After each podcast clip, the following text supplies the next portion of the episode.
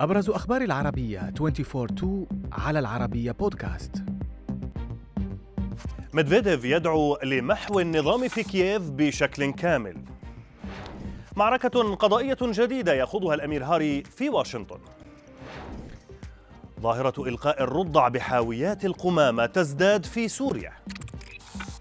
دعا نائب رئيس مجلس الأمن الروسي ديمتري ميدفيديف إلى ضرورة الإطاحة الكاملة بالنظام الموجود في كييف وذلك عبر هجوم روسي لاحق.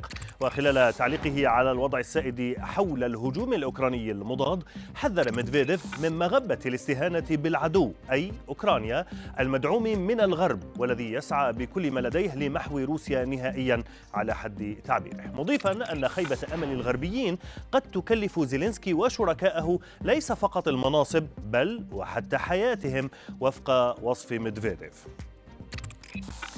في بريطانيا أعلنت الحكومة أنها تعتزم إزالة جميع معدات المراقبة التي تصنعها الشركات الصينية من مواقعها الحساسة.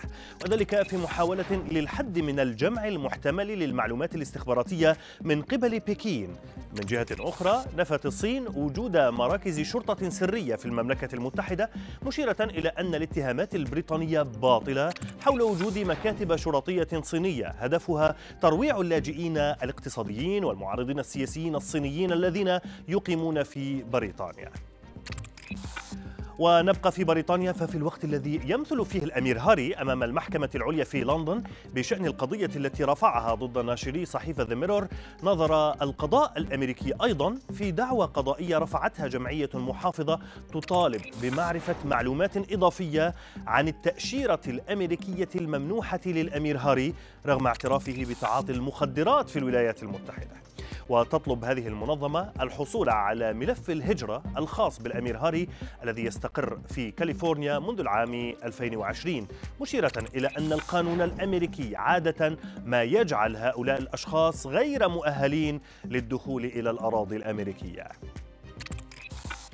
إلى سوريا هذه المرة حيث عثر على رضيعة موضوعة داخل كيس ملقاة في إحدى حاويات القمامة في بلدة سبينة بريف دمشق. فيما تم نقلها إلى المستشفى لتلقي العلاج وإجراء الفحوصات اللازمة. المرصد السوري لحقوق الإنسان أشار إلى تزايد حالات التخلي عن الأطفال حديثي الولادة في سوريا من قبل ذويهم لأسباب عديدة منها العلاقات غير الشرعية وتدهور الواقع المعيشي في البلاد.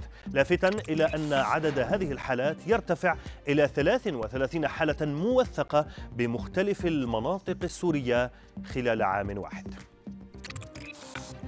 وفي خبرنا الأخير تصدرت مدينة نيويورك الأمريكية لفترة وجيزة مؤشر أسوأ تلوث للهواء في العالم وهذا يوم الثلاثاء حيث هب دخان ضار جنوبا من أكثر من 100 حريق غابات مشتعل في كندا.